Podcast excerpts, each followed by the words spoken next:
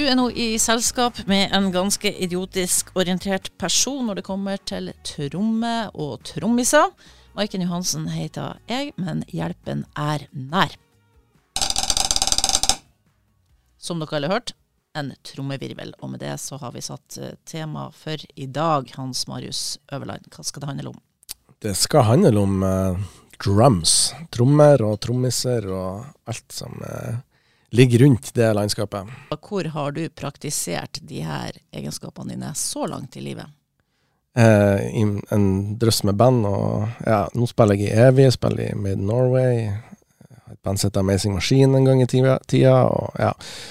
Så eh, jeg har holdt på med det siden jeg var veldig liten, egentlig. Jeg vet det at det starta med Åge Aleksandersen, visstnok. Det, det er helt rett. Hvordan visste du det? Har jeg sagt det? I have been googling you. Ok, ja. Jo, det starta jo uh, når jeg uh, Altså, de tidligste minnene jeg har, er jo at jeg var veldig fascinert av trommer. Jeg så dem på TV, og, og uh, i barndommen så, så, bodde jeg på Hitra i Trøndelag.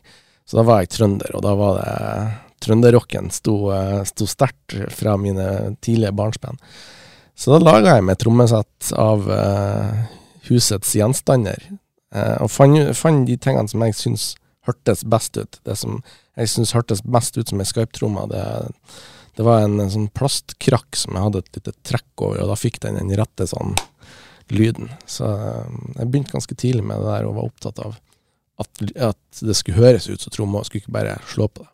Og siden har du holdt på altså, fra du var to til tre år, og så kan man jo spørre seg da, hva er den største cursen for en forelder? Er det å få en unge som spiller blokkfløyte, trekkspill, fiolin eller tromme? Ja, nei, det, det, vil det vel være eh, litt ulike svar på. Jeg tror kanskje jeg var en større curse for naboene. For jeg hadde eh, få begrensninger på når på døgnet jeg hadde lyst å spille, etter at jeg fikk eh, et ordentlig trommesett. Det fikk jeg da jeg var til seksårsdagen min. Så sto det et opprigga trommesett på rommet.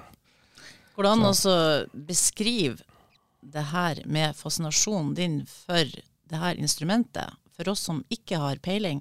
Nå er jo jeg den glade idiot i det her programmet, mens du er den med spisskompetansen. Men for å få det her litt allmenngyldig, da, hvordan kan man beskrive det her med tromming for folk flest? Er det ikke bare å dælje på?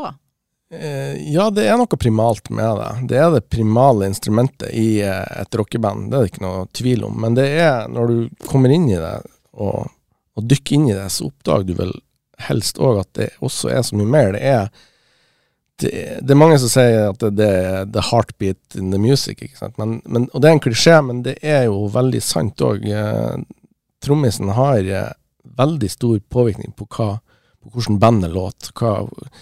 Hvordan dynamikken i låten utvikler seg. Eh, er det, og har du feil trommis i feil band, så blir det ikke bra nok. Har du en en eh, trommis som slår forsiktig i et band som krever kraft og energi, så, så kommer ikke trommen til å låte så bra. For at det, et, det kan se ut som et enkelt instrument å, å, få til å spille på, men det er også mange sånne subtile ting med hvordan du treffer tromma. Hvor treffer du tromma, med hvor mye kraft. Der har du eh, så mange valgmuligheter for hvert slag gjennom en låt, og det, det, er, det er mye du har mye makt som trommeslager i bandet, egentlig. Påvirkningskraft, kanskje. ja, det er litt mer enn å klaske skinn, sånn Egon Holstad, stemmen fra nord, eh, kaller det å slå på tromme det. Han mener selvsagt at tromme er viktig i ethvert band og i det meste av musikk, da. Ja. Men det er jo noe med hvilken type tromme du bruker. Og du har jo med deg trommestikkene i uh, studio i dag. Mm. Det begynte vi jo med. Mm. Kan jeg bare fære og finne meg et par bjørkepinner i hagen, og så er jeg all good, eller? Nei, det kan du ikke. Uh, ikke uten å gjøre stor skade på instrumentet eller uh, kroppen din, for den saks skyld. Altså, det er jo ergonomi oppi det her òg, er jo noe som også tar lang tid å lære seg. og uh, Jeg har hatt opplevelser der jeg har satt opp trommene mine litt fort, og ting har vært litt feil plassert, og da har jeg sittet og vridd kroppen min for å treffe der jeg skulle treffe. Eh, så det er, det er mye som, som, skal læres for å holde på med det. Over tid, da, selvfølgelig. Du begynner jo i det små å eksperimentere med instrumentet, men eh, når du kommer til det punktet at du spiller for folk, og du spiller spillejobber, og du gjør det ofte, så blir det viktig å kunne de her tingene, og kunne ja, sørge for at det, det blir behandla rett, både deg og instrumentet. For meg så begynner det etter hvert å ligne på matematikk, fordi at du har forskjellige takttyper og forskjellige eh, typer trommer du skal håndtere samtidig. Hvordan mm. løser man det her? Ja, det er matematikk. Eh, det er det, og det er det egentlig eh, om du spiller gitar òg, for der har du avstand mellom notene, eh, er matematikk. Kan du de her basicene, så kan du ofte spille ganske mange låter med bare det. Eh, og så da begynne å bygge på det her og utvikle din egen stil og din egen stemme. Hvordan vil du beskrive din stil og stemme som trommis? Eh, det kommer litt an på hva det er slags musikk jeg skal spille. Eh, men eh, jeg har med årene utvikla en ganske sånn det, det, mange kaller en litt busy stil. Altså at jeg, det er en del eh, som foregår når jeg spiller. Um, og det er det jo noen som liker, og så er det noen som ikke liker det. det men sånn har det blitt. Og jeg eh, Det utvikla seg nok i 18-19-årsalderen til meg at det var de tingene der jeg eh, kicka litt på, da. Eh, jeg begynte å høre mye på et, på et band som heter Matthews Band, som har en fantastisk trommis, eh, Carter Beauford, og det var en, en stemme som snakka til meg, som jeg aldri siden har greid å legge på hylla, uansett hvor uh, ja, hvordan, hvordan, musikksmaken min ellers har endra seg, så har, har, hans stemme vært i bakhodet mitt. Da, og, eh, det, så jeg, jeg, er en trommis som ofte kan gjøre mye ut av meg, men jeg også Det er en modning der. sånn at du Når jeg var 18, så var jeg fullstendig bajas, så nå er det litt sånn at nå, nå prøver jeg heller å krydre det godt og krydre det der, det, der jeg syns at det skal være. Samtidig så har jeg uh, Ringo Starr i bakhodet som hele tida sier til meg at uh, du kan uh, Her kan du la det være en pause. ja. Nå har vi name-droppa litt grann, ja. um, allerede, noen trommiser, da, så vi kan jo følge det sporet. Det er jo en del trommiser som står ja, de er banka ned i eh, de musikalske historiebøkene, og som alltid vil være der som store stjerner. Eh, noen kanskje pga. sin musikalske finesse og teft. Andre pga. stilen sin, og andre kanskje også pga. livsstilen, eller en kombinasjon med det de, de holder på med som musikere, og på privaten. For det er, det er litt tullete trommiser der ute også. Ja, det er jo det, og det blir jo mye vitser om trommiser og ikke sant uh, What you call a drummer with half a brain, da er han gifted. Sant? Så vi er en egen rase, ifølge, ifølge de andre i bandene vi har måttet holdt ut med. Har du noen navn som er stor for deg innenfor sjangeren? Det har du, selvsagt. Mm. Ja, jeg har jo allerede nevnt to av dem, men du har jo òg liksom, en som jeg tidlig fikk ørene opp for, var Keith Moon i The Who han er jo også det vi vil kalle en busy trommis, som gjør mye. Men han var jo òg busy på fritida si. og det kan så, vi vel trygt si. Ja, så, det foregikk. og der ser du litt det her med at personligheten da um, Den leker på en måte inn i musikken. For å hoppe litt tilbake, Ringo Starr. Mm. Vi må nevne litt om hvorfor han står sterkt hos deg. Ja, det er jo um, Altså, jeg har jo hørt Beatles siden Samme Altså siden tidlig barndom, og eh, Men han har jo eh, Han er jo en debatt i trommeverden, ikke sant. Er Ringo Starr en god trommis, eller er Ringo Starr en dårlig trommis, eller en middelmådig trommis, som mange mener? Jeg er jo av den klare oppfatninga at han er til tider en genial trommis, og han har jo forma måten veldig mange andre som kom etter han, spiller på. Han har forma måten vi tenker rocketromme på, eller poptromme på. Man kommer liksom aldri utenom Beatles. Uansett hvilken musikk man snakker om. Frem til i dag, og nesten frem i tida, så mm. kommer Beatles alltid på bordet. Ja, og han var riktig trommis for Beatles. Det skjønte de jo etter hvert òg. Um, men, men, måten Ringo Starr kan liksom bare spille så minimalt som mulig, og du har låter der han, der han ikke spiller grooven, men spiller bare breakene, altså spiller bare overgangene, sånn som uh, Day in the Life fra Sergeant Pepper, er, det er helt unikt. Uh, og da må man begynne å høre på, på pausene han legger inn isteden, for da blir nesten det viktigere. Og hvordan han da spiller en overgang. Han kunne ha spilt en Men så spiller han Altså, han legger inn uh, legger inn rare pauser og legge inn synkoper, som vi kaller det. Um, Istedenfor å bare spille en straight groove. Så nei, han er fenomenal på, på veldig mange områder. Ja, altså, jeg er jo oppvokst på 90-tallet, så det er klart at uh, Nirvana er Det kommer jo ikke man utenom, da. Og Dave Grohl, hva han har uh, bidratt med uh, som, som trommis, og, men senere også som, som låtskriver og diverse annet. Men der, der, er det òg snakk om fantastisk trommis som går som en klokke og har en energi som er kanskje unmatched. Eh, hvor, altså bare hvor hardt han slår, men allikevel hvor, hvor bra det er. uten å liksom, altså Det er ikke hardt for at det skal være brutalt, det er hardt for at det skal låte bra. Du skal få Tromma skal få lov å ringe og kjenne det, ikke sant. Men òg eh, hvor mange sånne ja, unike trommegrooves og ting han kommer opp med. og du, Hvis du hører My Hero med Foo Fighters, du, den starter med trommen, og du vet øyeblikkelig hvordan låt det er.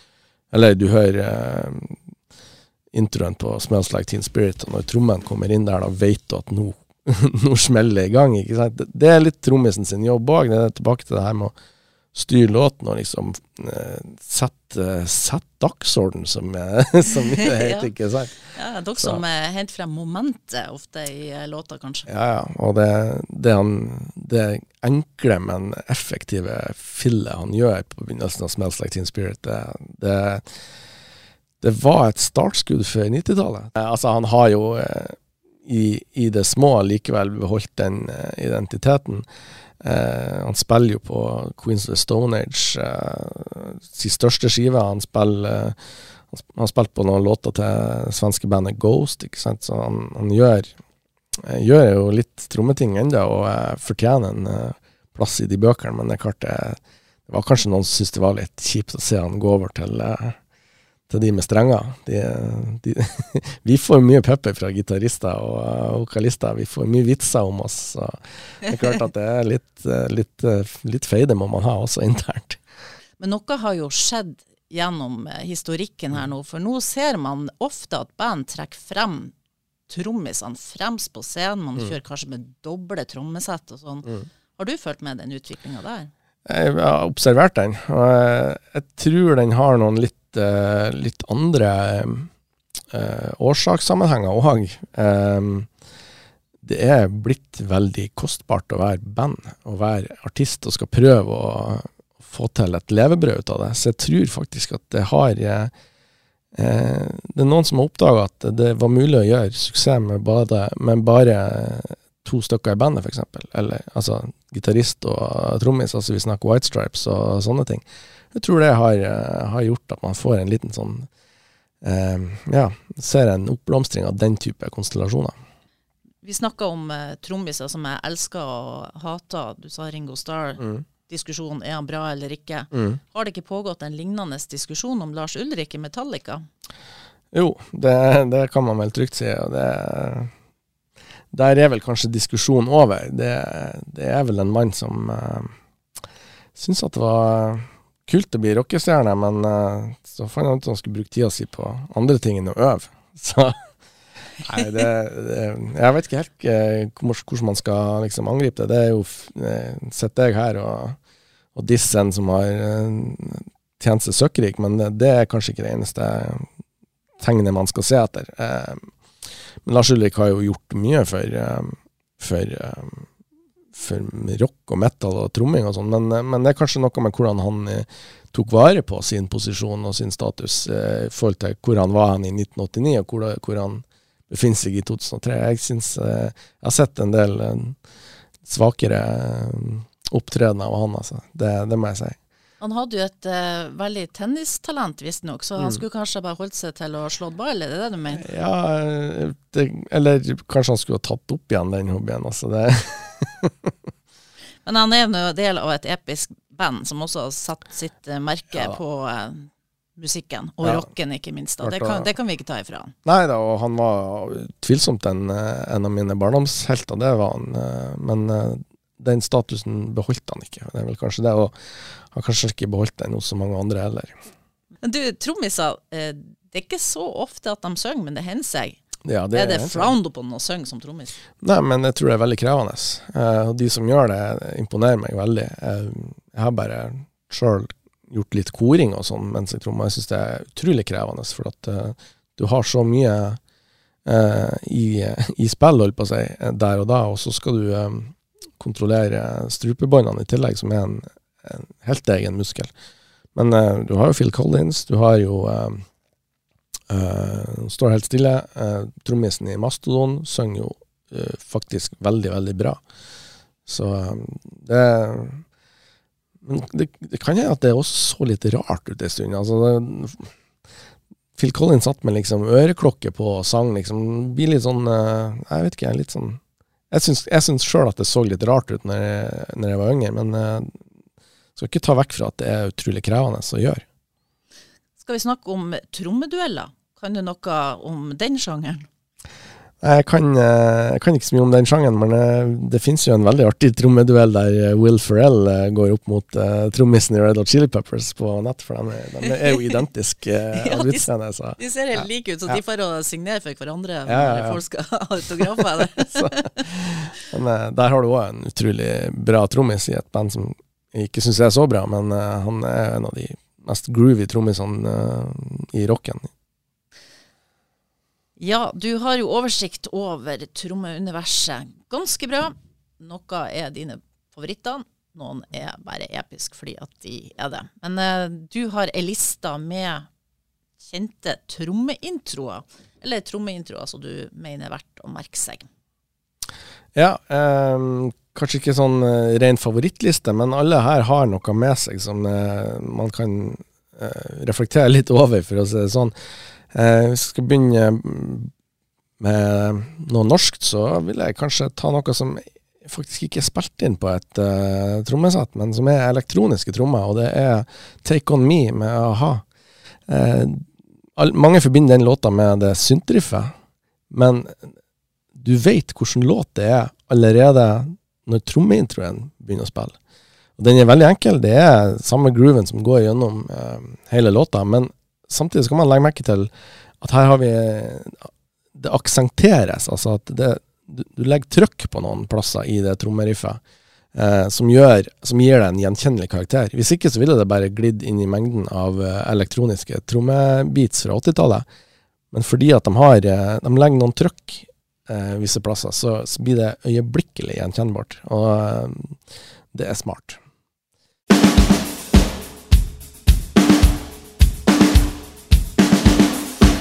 Eh, så har jeg eh, skrevet ned eh, 'Sunday Bloody Sunday' med U2 òg, for det er veldig sånn unikt trommeriff. Eh, du finner ikke så mye eh, Altså, han trommisen i U2 blir sjelden trukket fram på sånne liste over liksom, eh, ti beste trommiser og sånn, men han er en kreativ trommis som, som greier å lage ting som, som fester seg, og som nesten kan Du kan nesten synge det fordi at det er litt sånn Ja, det er unikt. Det, og du, der igjen, du vet med en gang hvilken låt det er når du hører den. Den er, kan ikke være noen annen låt. Du, eh, U2 er så, sånn her eh, love-hate-band. Mm. Har det noe med tromminga å gjøre? Nei, jeg tror det har mest med Bono å gjøre. Han får ta hele skylda. Jeg tror han må ta støyten for det meste.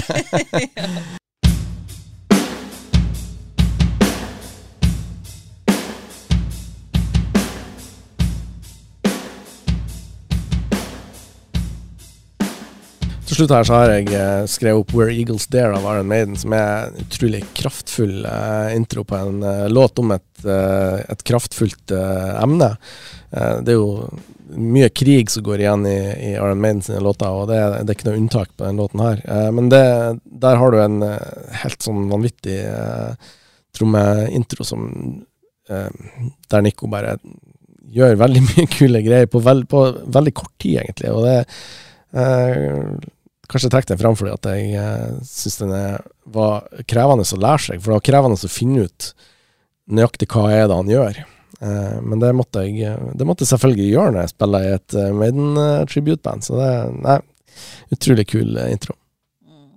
Syns du at du gjennom tribute-bandet gir dem den kredden de fortjener, Iron Maiden, eller blir dere en litt bleikere kopi? det vet jeg ikke helt. Bleikere kopi blir vi alltid, fordi at vi har ikke 200 000 kroner i pyroteknikk med oss på hver konsert. Men, men eh, målet med det bandet har i hvert fall vært å kunne levere noe som med våre forutsetninger lever opp til det. Og vi har jo på en måte følt at vi har lyktes med det, da, hvis vi skal ta publikum sine tilbakemeldinger der. Så, men det, det, har vært artig. Og det, vel, det er første og eneste og reneste tributbandet og prosjektet jeg har vært med i, og det var mye artigere enn jeg forespeiler meg. Jeg, jeg, har jo egentlig alltid spilt i band der vi kom med eget materiale, så um, det var veldig artig å begynne med det der, og nå har det jo pågått i ti år, da, så For det med tribute, det kan også ha litt sånn eh, ja. Klein smak, liksom. Tribute-band, det er Da er du på det siste. ja, det, det, kan det på en måte. Men det kommer litt an på hvordan du rammer det inn, i hvert fall min erfaring. Hvis du tar på deg parykk og kler deg i 80-tallsklær, så blir det skuespill. Men gjør du det med, liksom, med din personlighet, tar du med deg din personlighet og, og prøve å lage et, et produkt som som hyller det du sikter mot da, så tror jeg vi, det går bra. Og det tror jeg er det vi har fått til. At vi har ikke prøvd å fargelegge det med noe annet enn oss sjøl. Eh, kan vi dra tromminga inn som et slags eh, samfunnsfenomen? Ja, det kan vi gjøre. Vi kan uh, Tromma har jo Tromma har jo uh, en rolle i, i uh, det militære. Det har jo alt Altså lenge hatt det. Um, det begynte vel egentlig ikke i vår verdensdel, men uh, kom til uh, Europa med korstogene, fordi da hadde uh, de som kjempa i korstogene, opplevd at trommer var, var, en del av de hærene de møtte, og det var nok litt skremmende å liksom høre det drønnet fra, fra sånne svære krigstrommer. Men det ble jo en kommunikasjonsform. Og der er vi igjen er vi litt tilbake til de litt sånn primale egenskapene trommen har. da, og eh, det, det, man brukte, For det var umulig for, for hærførerne å kommunisere beskjeder over, eh, over liksom, til en stor, eh, stor, tropp. Så man begynte å bruke tromme for å, med liksom, signaler som han hadde Som et slags språk? Som et språk, ja. Nå skal vi trekke oss tilbake, nå skal vi flanke, nå skal vi angripe. Um, det er jo um, og det, og, Så det har jo fått en veldig sånn rolle i det militære, og det, det ble jo Når man enda drev med henrettelser i den siviliserte verden, så var det jo ofte eh, Fulgte du med tromme, så det var jo det siste folk hørte for nakken knakk, eller for skuddet traff, ikke sant. Trommevirvelen du ikke vil ha. Ja, nemlig. Eh, og, og, det har jo eh, det er jo ur, altså det er et urinstrument. Det er jo oppfunnet av urfolk, og det har vært brukt og brukes i naturreligion. og sånn, Så det, det, det er en veldig gammel ting. Så det, men, så det er ganske nytt at man eh, bestemte seg for at det var et, et musikkinstrument. Det kom jo mye, mye seinere kom vel kanskje med det sivili mer siviliserte samfunn, så måtte man finne på noen nye bruksområder. Ja. ja.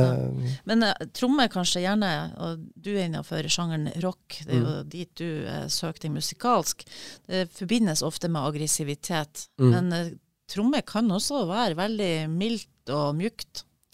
Ja, det kan det. Og det, det, er noe med det at du har alle det som vi snakka om i starten, alle de forskjellige elementene på et trommesett. Det kan eh, det kan jo være store, kraftige, drønnende trommer, men det kan òg være små, ikke nødvendigvis trommer, men små cymbaler eller små eh, effekter. På mitt trommesett bruker jeg ofte det som vi kaller et belltree, som er liksom mange eh, metallpinner i forskjellig lengde som står tett i tett. Og når du drar trommestikket over det, så får du en sånn litt sånn drømmende lyd. Litt sånn her Nå kan du blå om til neste sidelyd. Men det er en effekt jeg har tatt inn i mitt trommesett og brukt. Så det, det, det, er mye Det er mange fasetter, det er mange nyanser i tromming, som, som, jeg var inne på også tidligere. at Måten man må, Slår man hardt, slår man svakt? Det er i løpet av en låt.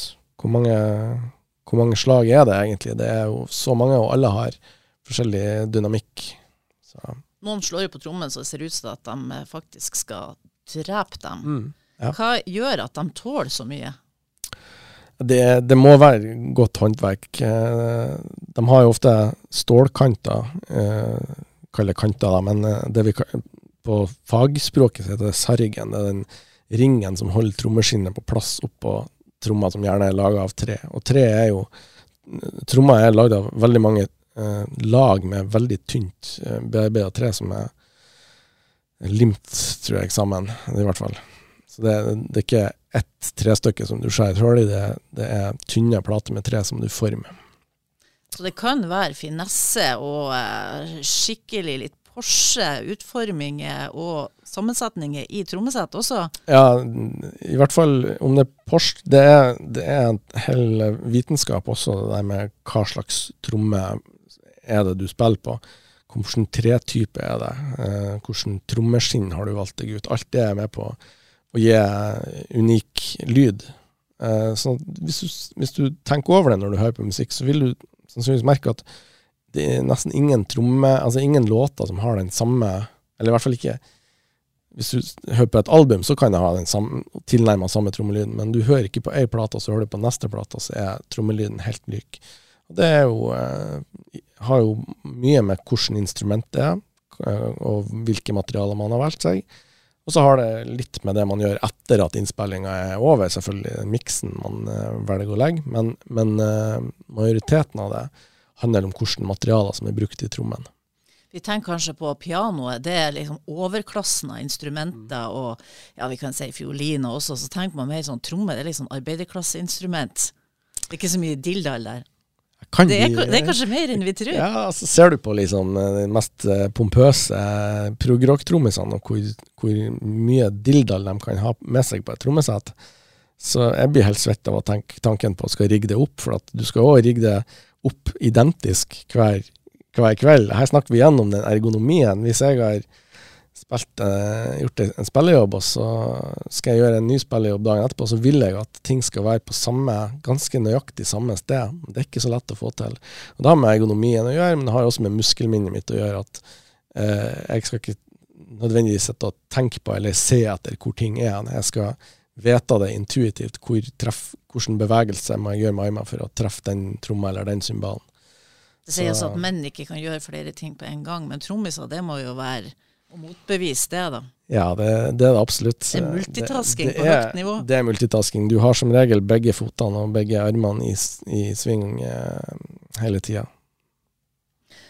Ja, vi kan ikke snakke om musikk uten populærkulturelle referanser, for musikk har jo ofte en tendens til å gli inn i andre uttrykksformer, som film. Og det kan også utgjøre selve hovedtemaet i filmen. Så eh, ja, la oss snakke litt om Spinal Tap, kanskje. Ja, det er jo en, en klassiker i alle ordets uh, meninger. Uh, når det kommer til trommis, der så er jo det trommis, der er jo liksom Der har han virkelig fanga hvor, hvor denne myten om den anonyme liksom litt uh, sett ned på trommisen. For at han figurerer nesten ikke i filmen. Uh, han som da er trommis i akkurat den perioden filmen liksom foregår. Og, og så er det jo den gode vitsen på slutten der han bare forsvinner, og det eneste som er igjen av han er en, eh, en grønn eh, flekk. Og sånn, eh, sånn ønsker vel gjerne gitaristene at det skal være. Det er mye, det er mye ego blant gitarister og vokalister, det, og det tror jeg er grunnen til at man har mye av den sjargongen eh, om, om trommiser og de, ja, all den fliringa som, som finnes rundt det. da. Sier du det at mytene faktisk kommer fra en plass? De, eh, jeg, jeg, kjenner ikke opphavet, men eh, det må jo være et eller annet her. ja. Så du har et veldig dempa ego, da? Eh, nei, jeg har vel kanskje ikke det i alle sammenhenger. du er trommisen, men indre gitarist? Jeg har jo en del gitarer, så det er vel kanskje det. Du har juksa. det- Ja, Ja, du er som at Dave Grohl, du er en sviker, egentlig. ja, jeg er nok det. Ja, andre referanser. Vi skal forresten eh, også legge ut ei lita liste på tips som har med trommiser eller trommetema på nettsida i saken om programmet, for dem som har lyst til å nerde litt. Vi skal jo omvende folk til å bli mer nerdete med det her, kanskje. Får være ambisjonen, da. Men vi skal videre ta en annen kjent film som de fleste vet da om de kan noe om tromme eller ikke. Åpningssporet til Trainspotting. Det kan vi si litt om. Ja, Lust for Life med Iggy Pop, det er jo eh, en fantastisk kul låt, skrevet av Iggy Pop og David Bowie. Eh, med liksom en sånn basic, kul rockegroove, liksom. Og i filmen så har du jo den her hovedpersonen som lø kommer løpende, jeg lurer på om han har startet en bilstereo eller et eller annet i den scenen der, og så har han hele den her tankerekka, choose life, choose a family, altså alt det der eh, som han ikke har gjort i livet, da. Eh, og det er jo en perfekt låt til den åpninga, for den har jo den, den, den raske biten der han løper. Men den er òg liksom, der er det nok Der har de tatt det modige valget at liksom det skal gå eh, et minutt med liksom bare tromme og litt uh, gitar uh, Bare litt sånn rytmegitar.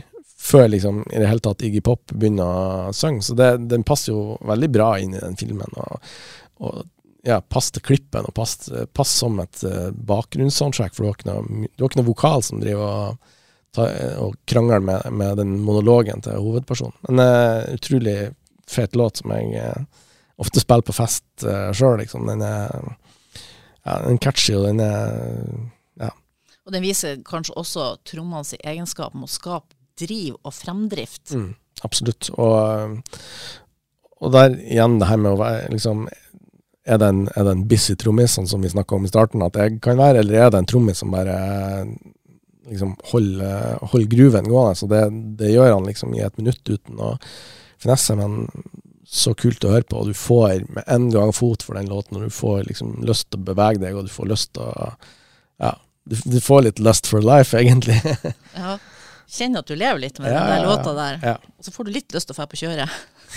ja, ikke sant? Kanskje derfor den er i åpning og ikke på slutten, for da skjønner du det. Altså, det, livet blir jo en milliard gang bedre hvis man bare Nei, vent litt. ja, sant. Og det lærer vi hvis vi ser filmen òg, at eh, ok, det begynner bra, men Ja. eh, av og til så skal er det, det er noen eh, trommevirvler man skal styre unna, sånn rent livsmessig, kanskje, for at det skal gå bra til slutt. Kan man bli rørt av tromme? Det er kanskje ikke det instrumentet man tenker på at man begynner å storsipe av. Jeg vet ikke, altså. Du har jo noen eh, sånn power ballads og litt sånn her eh, Vet ikke jeg Meatloaf-ballader og Celine Dion der det plutselig bare kommer et sånt punkt i, i låten der det liksom bare det bare blir plass til trommisen, så bare da, da, da, så liksom kommer det et refreng, og da kan det hende at om det ikke er trommen du blir rørt av, så kanskje det Kanskje de er med på å liksom skape det der momentumet og det der litt episke um, klimakset da, som gjør at, eh, at det her var, en, her var en god låt å få servert. Kan du like det pompøse? ja, absolutt. Altså, jeg har, jeg har vel eh, brukt ganske mye tid på, på sånne type ting òg, når jeg har dykka inn i det å være trommis, når jeg prøvde å lære meg nye ting og sånn. Og, ja. Så, Du har jo drevet utforska noen år. eh, Er du eh, ferdig skolert i tromming? nei. Jeg er ikke det, og jeg, jeg er nok uh, Som type så er jeg kanskje jeg har kanskje mista litt sånn der øvingsdriv, at jeg ikke setter meg ned og lærer meg så mye nye liks, liksom. Det er litt som vi har vært innom tidligere, hvordan, hvordan stemme har jeg utvikla som trommis. Den er kanskje på Ja, skal ikke si ferdig, men når man blir eldre, så har man mindre tid til de her tingene her. Jeg var jeg var, eh, var 18, 19, 20, 21, så var jeg, kunne jeg være åtte timer på øvingslokalet, liksom. Og det hadde jeg tid til. Det var ingen andre ting som pressa, eller i hvert fall ingen andre ting som jeg ga prioriteter. Nå stiller ting seg litt annerledes.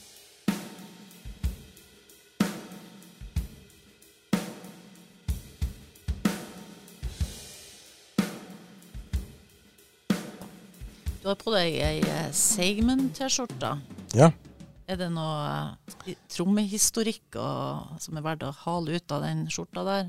Noe historikk vet jeg ikke, men altså, der, har- det er jo òg et band med mye kul tromming. ikke sant? Hvis du hører på, på låten 'Limbo' fra Totalskiva, så er jo det en de, også en av de fineste liksom, trommegruvene. Den, den er på en måte litt melodisk, og den, den, er, den er mystisk. Og ja, eh, Noralf Rontis, som han heter, han er utrolig undervurdert, egentlig. En trommis man ikke snakker så mye om. Det blir mye snakk om uh, der også. Mye snakk om frontfigurene i Segmen, mens han uh, gjør jobben og graver de tunge grøftene. Så nei, det er en kjempeflott uh, trommis.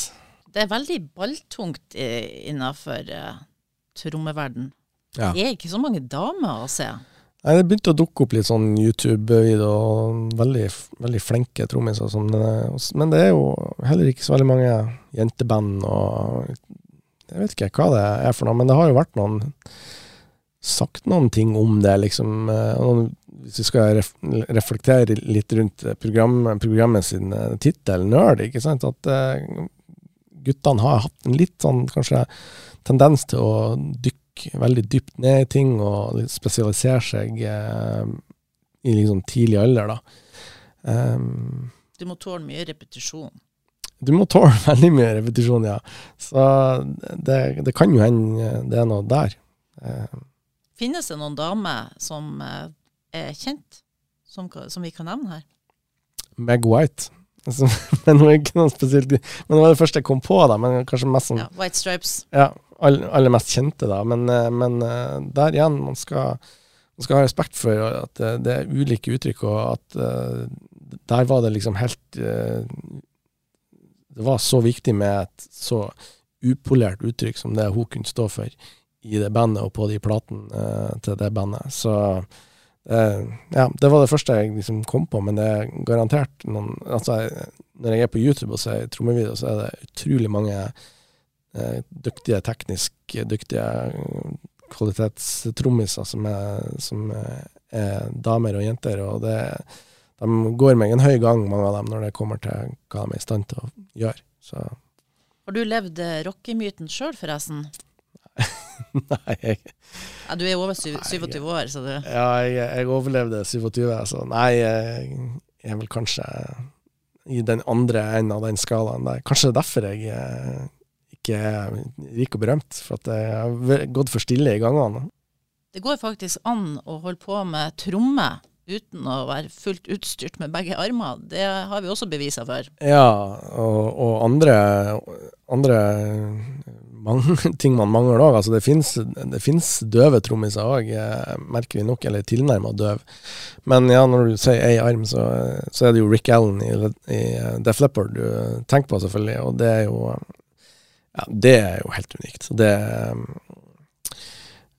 For det er ikke sånn at ikke han serverer et lydbilde med den ene armen sin? Nei, det, og at, at han uh, gjør det på en måte som liksom lever opp til det, til det de andre i bandet forventer av, av deg når du kommer på jobb òg. Det, det, er selvfølgelig uh, vanvittig. Det var vel òg uh, et eksempel Altså, det er et brasiliansk metal-band som heter Sepultura, som som var vel på Tons of Rock i fjor, og da tror jeg trommisen hadde knekt beinet, og måtte da gjøre en tredjedel mer arbeid med armene, for der er det mye dobbeltpedal, som vi kaller det. Altså, du har en basstrommepedal på hver, hver, fot, så ja, vanvittig, vanvittig å kunne bare omstille seg til det.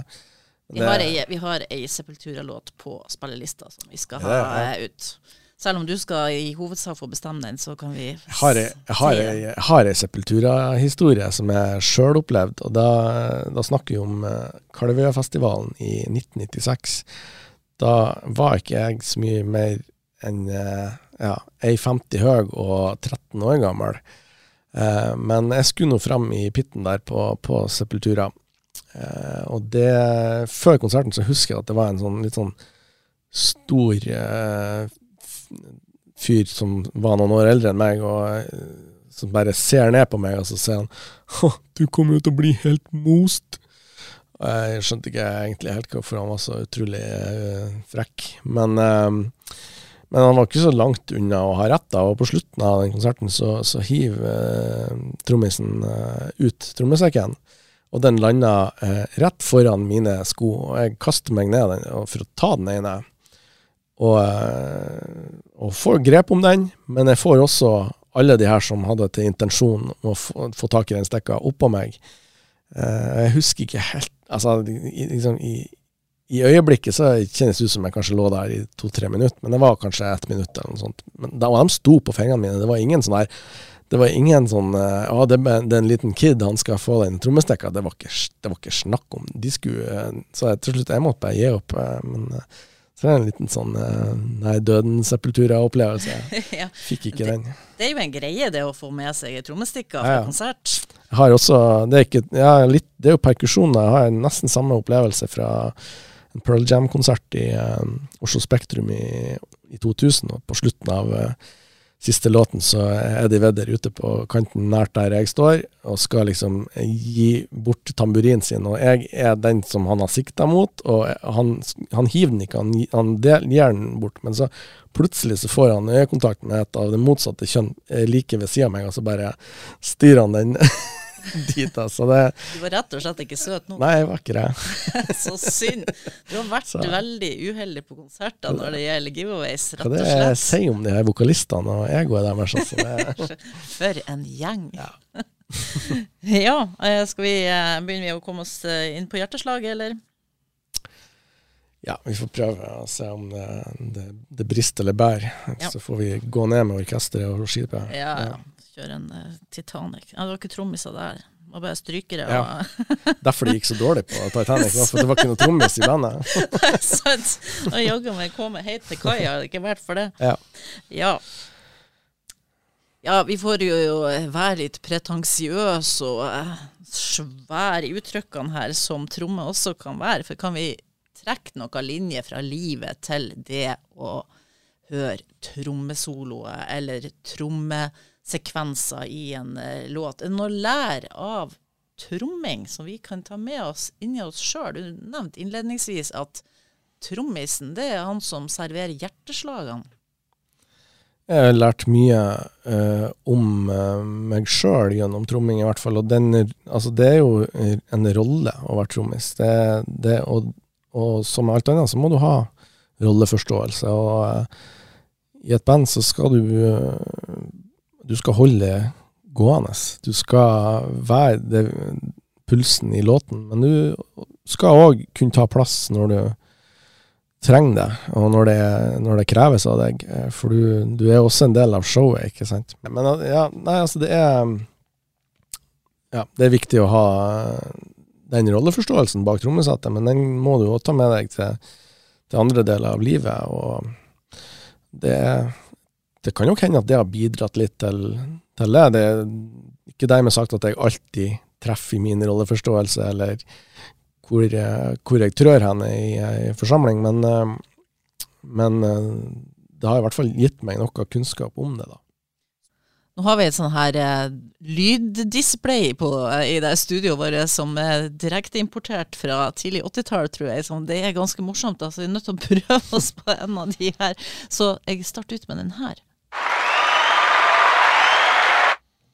Respons. Du er jo i lamme nå når du spiller. Og det er mm. helst et publikum, vil jeg anta, en musiker ønsker.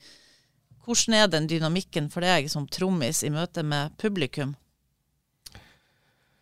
Eh, det kommer litt an på, på plassen man spiller på òg. Det, det fins eh, det finnes noen uh, venues, for å bruke det engelske ordet, der, uh, der de overhodet ikke har tenkt på at det skal være noe tilknytning mellom uh, publikum og bandet, og der det er liksom nesten veldig lagt til rette for at publikum skal sette seg langt unna, eller liksom.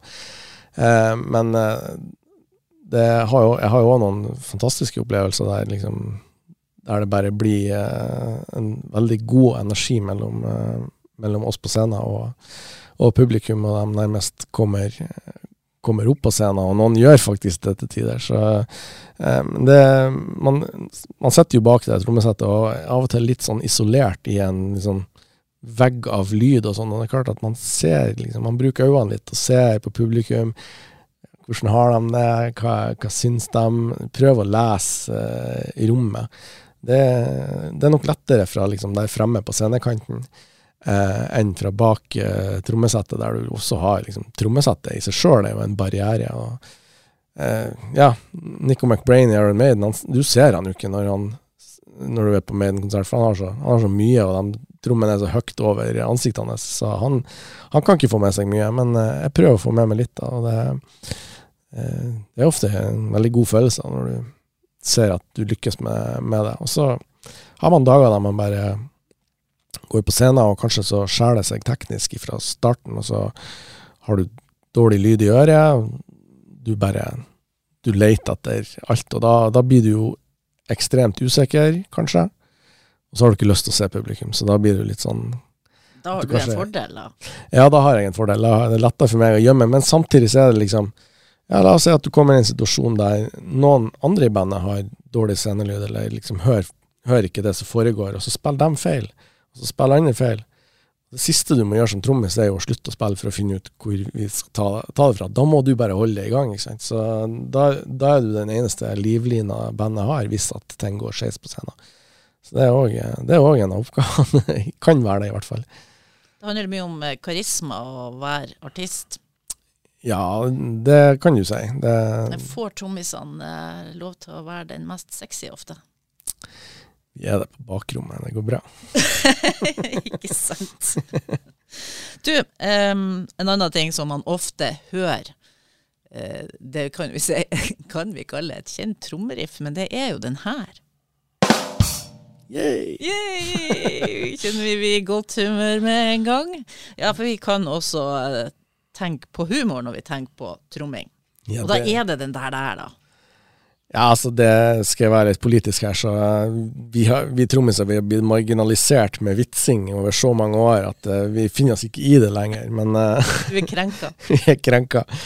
Uh, Trommisvitser kan være veldig artig, så vi kan jo kanskje vi skal avslutte med noen av dem. Ok, hit med. hvordan vet du at, at scenen er i vater? trommisen uh, sikler fra begge munnvikene.